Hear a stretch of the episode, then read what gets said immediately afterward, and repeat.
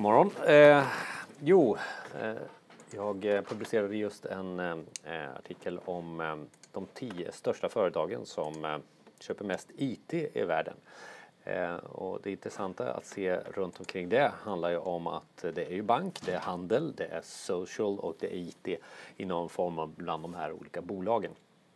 Den intressanta kommentaren från eh, en Eh, i, i flödet var ju förstås, var är Kina någonstans? Och det där är väl någonting som är intressant att observera. Ehm, även om vi fortfarande tänker väst väldigt mycket när vi räknar upp saker och ting eh, så är ju det som kommer och det som är, är ju Kina. Jag såg just eh, den här typen av betalning som helt plötsligt har förändrat Kina totalt. Det är ju inte så att du kan använda ett kreditkort som Visa eller Mastercard i Kina idag.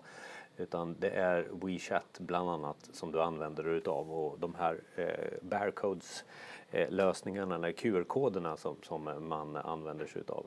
Eh, så att betala med Visa och Mastercard fungerar till exempel inte i Kina och det här är ju då intressant. Eh, vi glömmer bort vad Kina gör, vi glömmer bort att vi i väst inte är så relevanta längre så att när man räknar upp så här tio största företag i världen som köper mest IT så glömmer man gärna bort det som är det väsentliga och det som är verkligen tillväxten.